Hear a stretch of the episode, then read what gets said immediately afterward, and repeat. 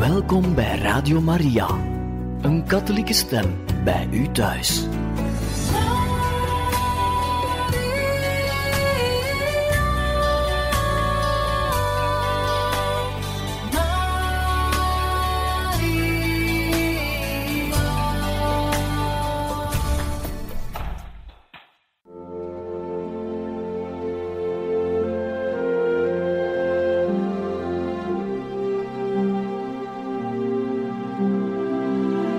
Beste luisteraars van Radio Maria, welkom bij het programma Catechismus. Een overweging bij de geloofschat van de kerk.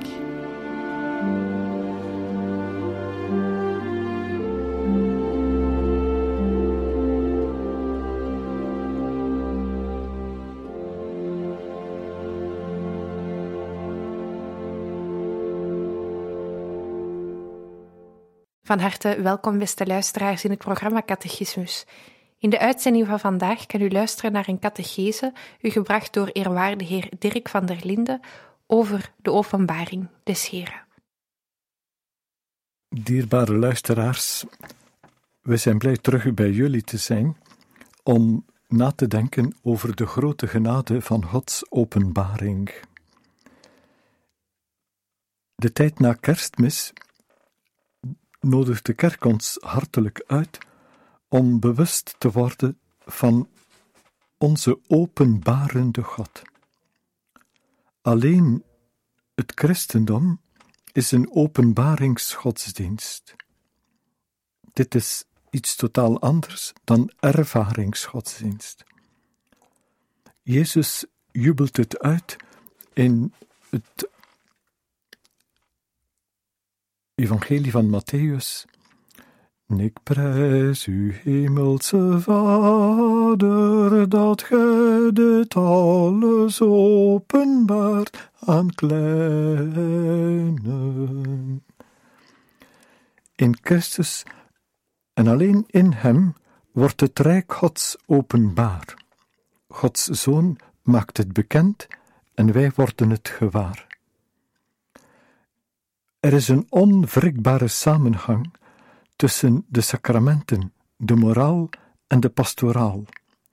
Als de door Gods openbaring geïnspireerde daarstelling van het Rijk Gods.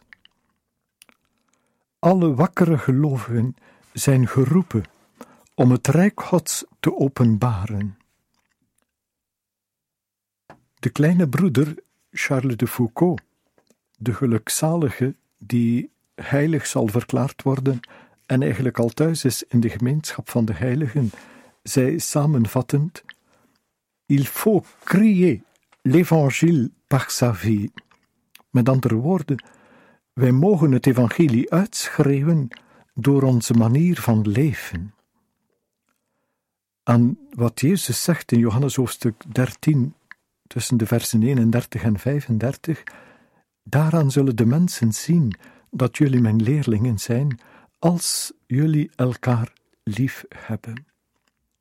Op voorwaarde dat jullie overeenkomen, dat jullie elkaar verstaan, dat je elkaar blijft beminnen ondanks alles, dan zullen de mensen zien dat jullie mijn vrienden zijn. En de heilige Ambrosius vatte het ook kernachtig samen met de woorden Gloria Dei homo vivens. La gloire de Dieu, c'est l'homme vivant. Gods heerlijkheid is de waarlijk levende mens.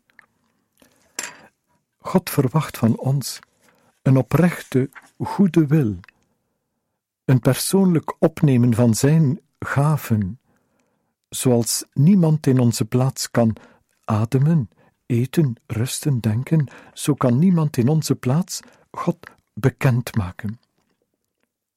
Niemand kan in onze plaats God ontmoeten, God ontvangen, God doorgeven. Elk van ons heeft daar een persoonlijke opdracht.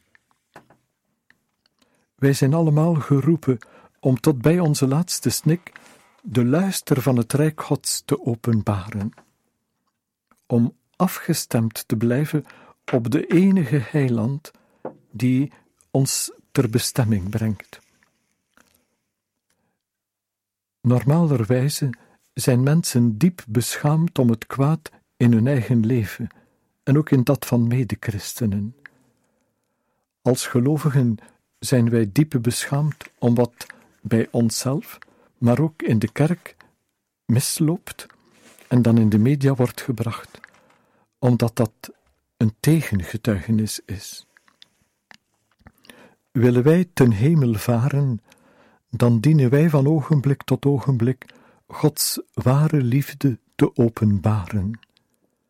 Alleen zo zal de wereld welvaren en niet langer van krommenaas gebaren.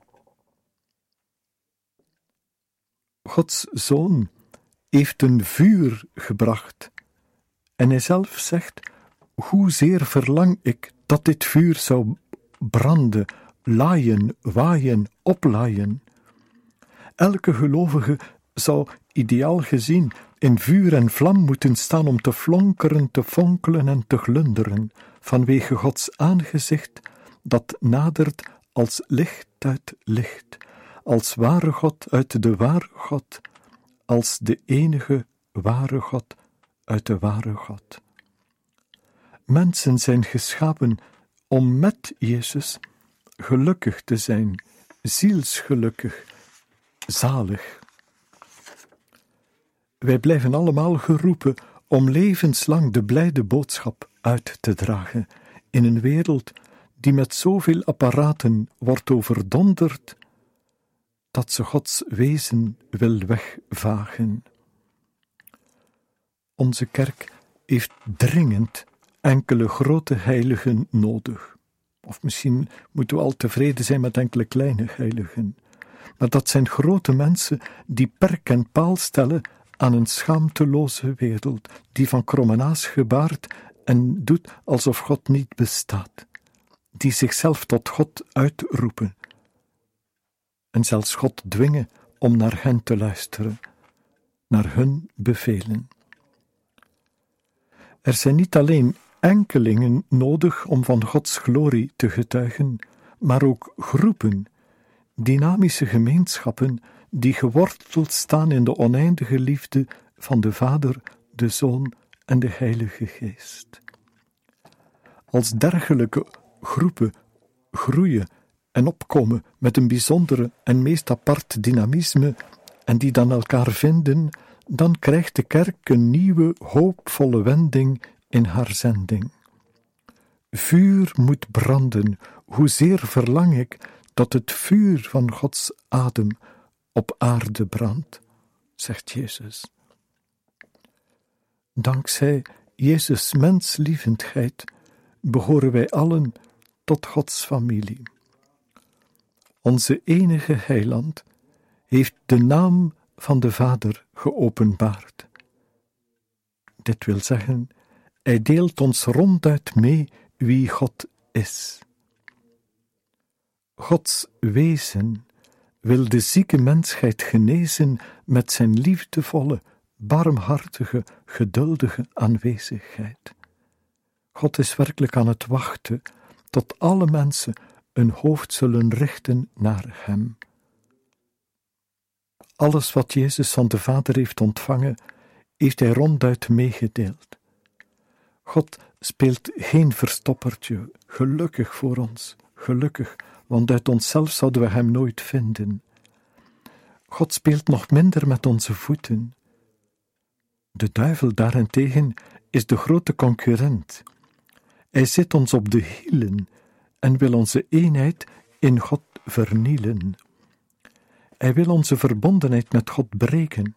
Hij wil God uitvagen, opdat wij hopeloos in het niet depressief zouden verzinken. Het is dan ook aan ons om op onze teentjes het rijk Gods binnen te wandelen in het spoor van Jezus, op de weg, de waarheid en het leven die ons in Jezus worden gegeven. Met Jezus' komst op aarde is het rijk Gods nabij, zichtbaar, tastbaar, hoorbaar, voelbaar, zelfs smaakbaar tot in de Eucharistie, waar Jezus zich te proeven geeft in de communie. levenslang heeft Jezus Gods wezen aan ons geopenbaard. En hij zal dat blijven doen, opdat de liefde waarmee God ons heeft liefgehad in ons zal zijn en wij in Hem. Dat vind je klaar uitgedrukt in het laatste vers van het hoogpriesterlijke gebed in Johannes hoofdstuk 17. Daarom zouden wij samen moeten zeggen: Lang leven Jezus, lang leven het eeuwig leven. Jezus kon er nooit mee ophouden van zijn eigen te openbaren als zoon van God. Jezus toont zijn paspoort. Wie mij ziet, ziet de Vader. De Vader en ik, wij zijn één. Jullie horen het, waar het hart van vol is, loopt de mond van over. Tot op vandaag wil de Heer Jezus zich manifesteren. Als God-mens wil Hij Zijn woorden door en door daadwerkelijk beleefd zien, bemediteerd, geacteerd, geïncarneerd. De incarnatie is niet te herleiden tot fabricatie, want dit is de doodzonde van de kerk. Het woord van God wil spontaan mens worden, wil met heel haar gehalte gestalte krijgen in onze aandacht voor mensen in nood, voor sukkelaars, dompelaars en zondaars. Incarneren wil zeggen, het woord van God mag in ons geschieden. Het mag werkelijk vlees en bloed worden. Ik ga heel even met u kijken naar drie openbaringsverhalen in het Evangelie, terwijl eigenlijk elke pericope uit het Evangelie een bekendmakenis van God. Ik blader even met u in het Evangelie van Johannes, hoofdstuk 2, vers 1 tot 11. En daar lezen we: Op de derde dag was er een bruiloft te Cana in Galilea, waarbij de moeder van Jezus aanwezig was. Jezus en zijn leerlingen waren eveneens op die bruiloft uitgenodigd. Toen de wijn opraakte, zei de moeder van Jezus tot hem: Ze hebben geen wijn meer. Jezus zei tot haar: Vrouw, is dat soms uw zaak? Nog is mijn uur niet gekomen.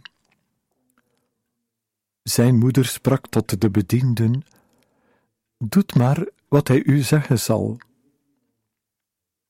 Nu stonden daar volgens het reinigingsgebruik der Joden zes stenen kruiken, elk met een inhoud van twee of drie metreten. Jezus zei hun: Doe die kruiken vol water. Zij vulden ze tot bovenaan toe.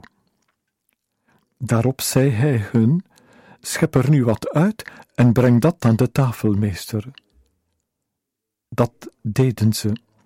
En zodra de tafelmeester het water proefde dat in wijn veranderd was, hij wist niet waar die wijn vandaan kwam, maar de bedienden die het water geschept hadden, wisten het wel, riep hij de bruidegom en zei hem: Iedereen zet eerst de goede wijn voor, en wanneer men eenmaal goed gedronken heeft, de mindere. U hebt de goede wijn tot nu toe bewaard. Zo maakte Jezus te Cana in Galilea een begin met de tekenen en openbaarde zijn heerlijkheid. En zijn leerlingen geloofden in hem. Beste luisteraars, op een zachte, tedere wenk van onze lieve vrouw Maria openbaarde Jezus te Cana in Galilea zijn heerlijkheid. God is God. Voor Hem is niets onmogelijk. Jezus zelf wordt de bovenbeste wijn uit Gods hand aan ons geschonken, om het godsvolk dronken te maken van Gods wezen. En zo worden we genezen van eigenwaan, van alle waanzin. De waan verdwijnt en de zin, de diepe zin om te leven, komt terug, omdat we met Gods wezen zijn verweven.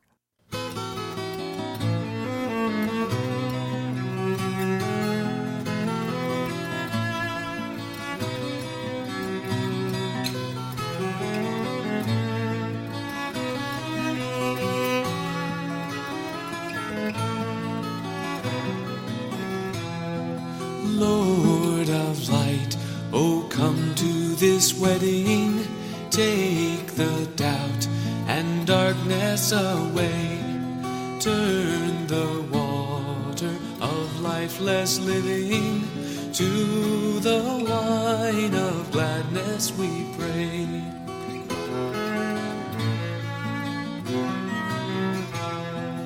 Mother Mary's gently requesting that you might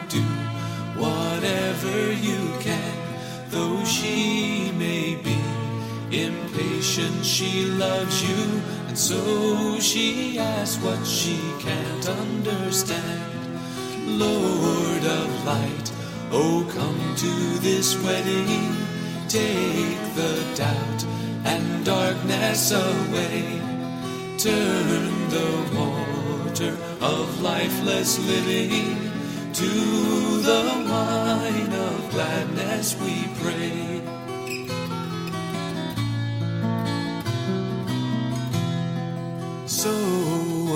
Amidst the laughter and feasting, there sits Jesus, full with the fun. He has made them wine because he is longing for a wedding that's yet to come. Lord of light, oh come to this wedding, take the doubt and darkness away. Turn the water of lifeless living to the wine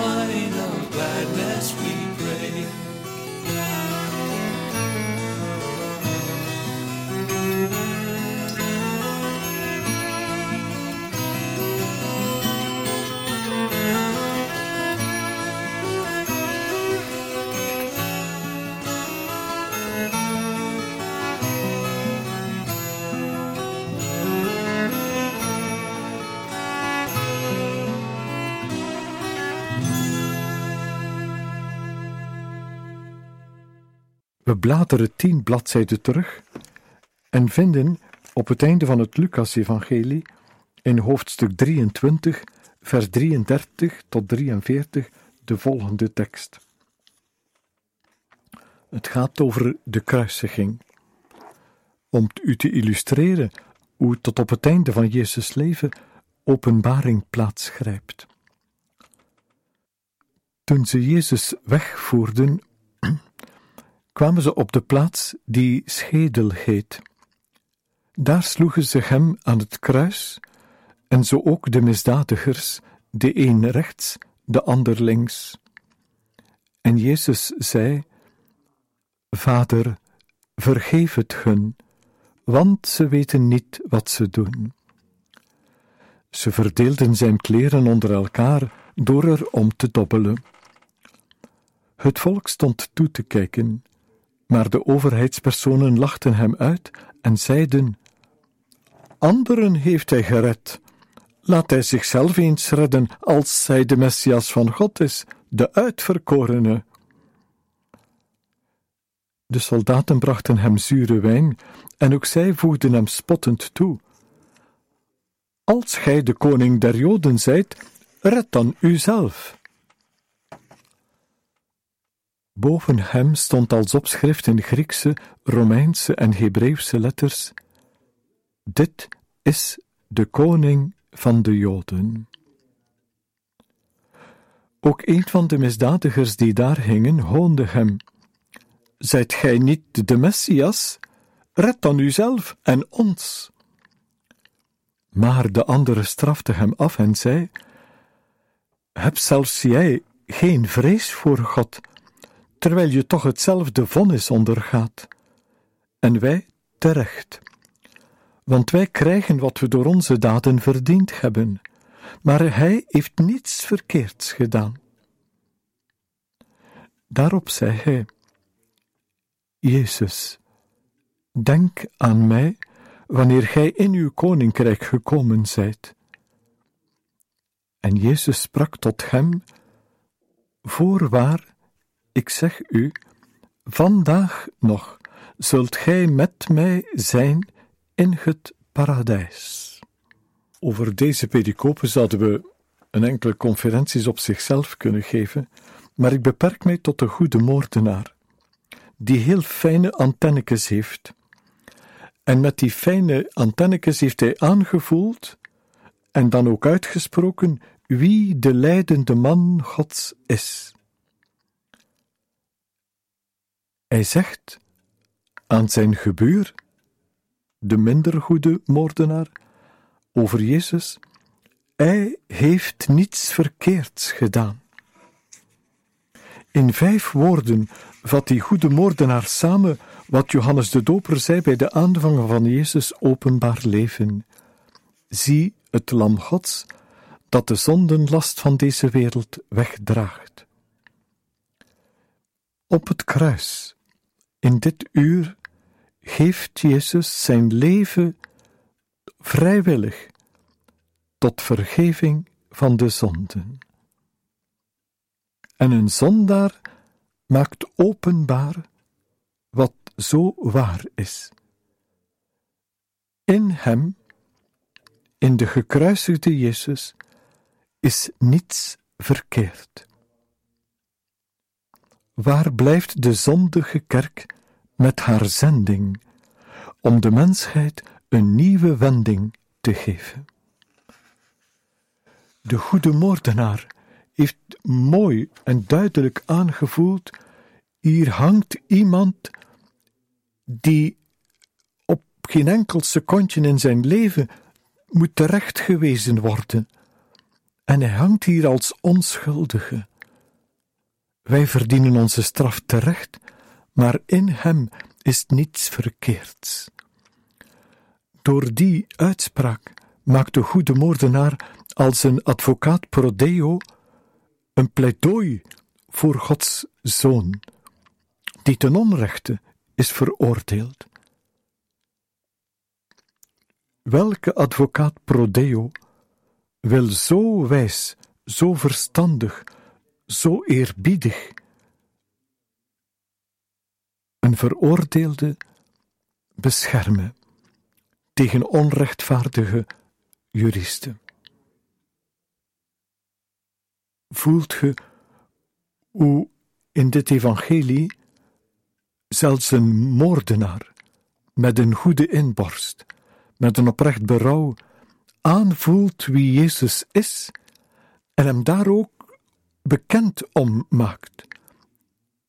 Al is het maar dit ene zinnetje dat de mensen zouden inzien over Jezus, in hem is niets verkeerds, dan weten we meteen dat Jezus kan zeggen: Ik ben de waarheid, ik ben de schoonheid, ik ben de goedheid, ik ben de menslievendheid van God op aarde komen brengen. Mochten we toch maar begrijpen hoe die goede moordenaar mee heeft geholpen om Christus bekend te maken en te openbaren. En tegelijkertijd maakt Christus van zijn kant uit de barmhartigheid openbaar, door te bidden: Vader, vergeef het hun, want ze weten niet wat ze doen de onwetendheid houdt de mensen tegen om te geloven. En wat in de laatste jaren alsmaar duidelijker wordt, onze mensen worden overdonderd door allerlei apparaten. Je hebt nog maar een apparaatje gekost, gekocht en zes maanden nadien is het al voorbijgestreefd door een nog beter apparaat en door een ander apparaat waarmee je verder en langer en goedkoper kunt communiceren maar we worden zodanig overgeapparatuurd dat we doof worden voor Gods stem. Het geweten van de mensen wordt niet meer gehoord omdat ze geen stilte meer durven maken. Stilte is broodnodig om te weten wat God wil en wat God niet wil. Om ons geweten af te stemmen op Gods wijsheid, dienen we elke dag een paar keer een half uur helemaal stil te worden en ons hart af te stemmen op God, om te mogen ervaren dat we God kennen en in onze gebaren te laten zien dat we gehoorzamen aan wat God verwacht van ons. Laat dus in de toekomst dagelijks de apparaten wat stil liggen, zowel de televisie, de radio, uw iPad, uw gsm. Leg alle apparaten een half uur in de diepvries, bij wijze van spreken, en ga bij de open haard zitten van Gods warm brandendheden. God wil dat ge warm wordt van Zijn aanwezigheid.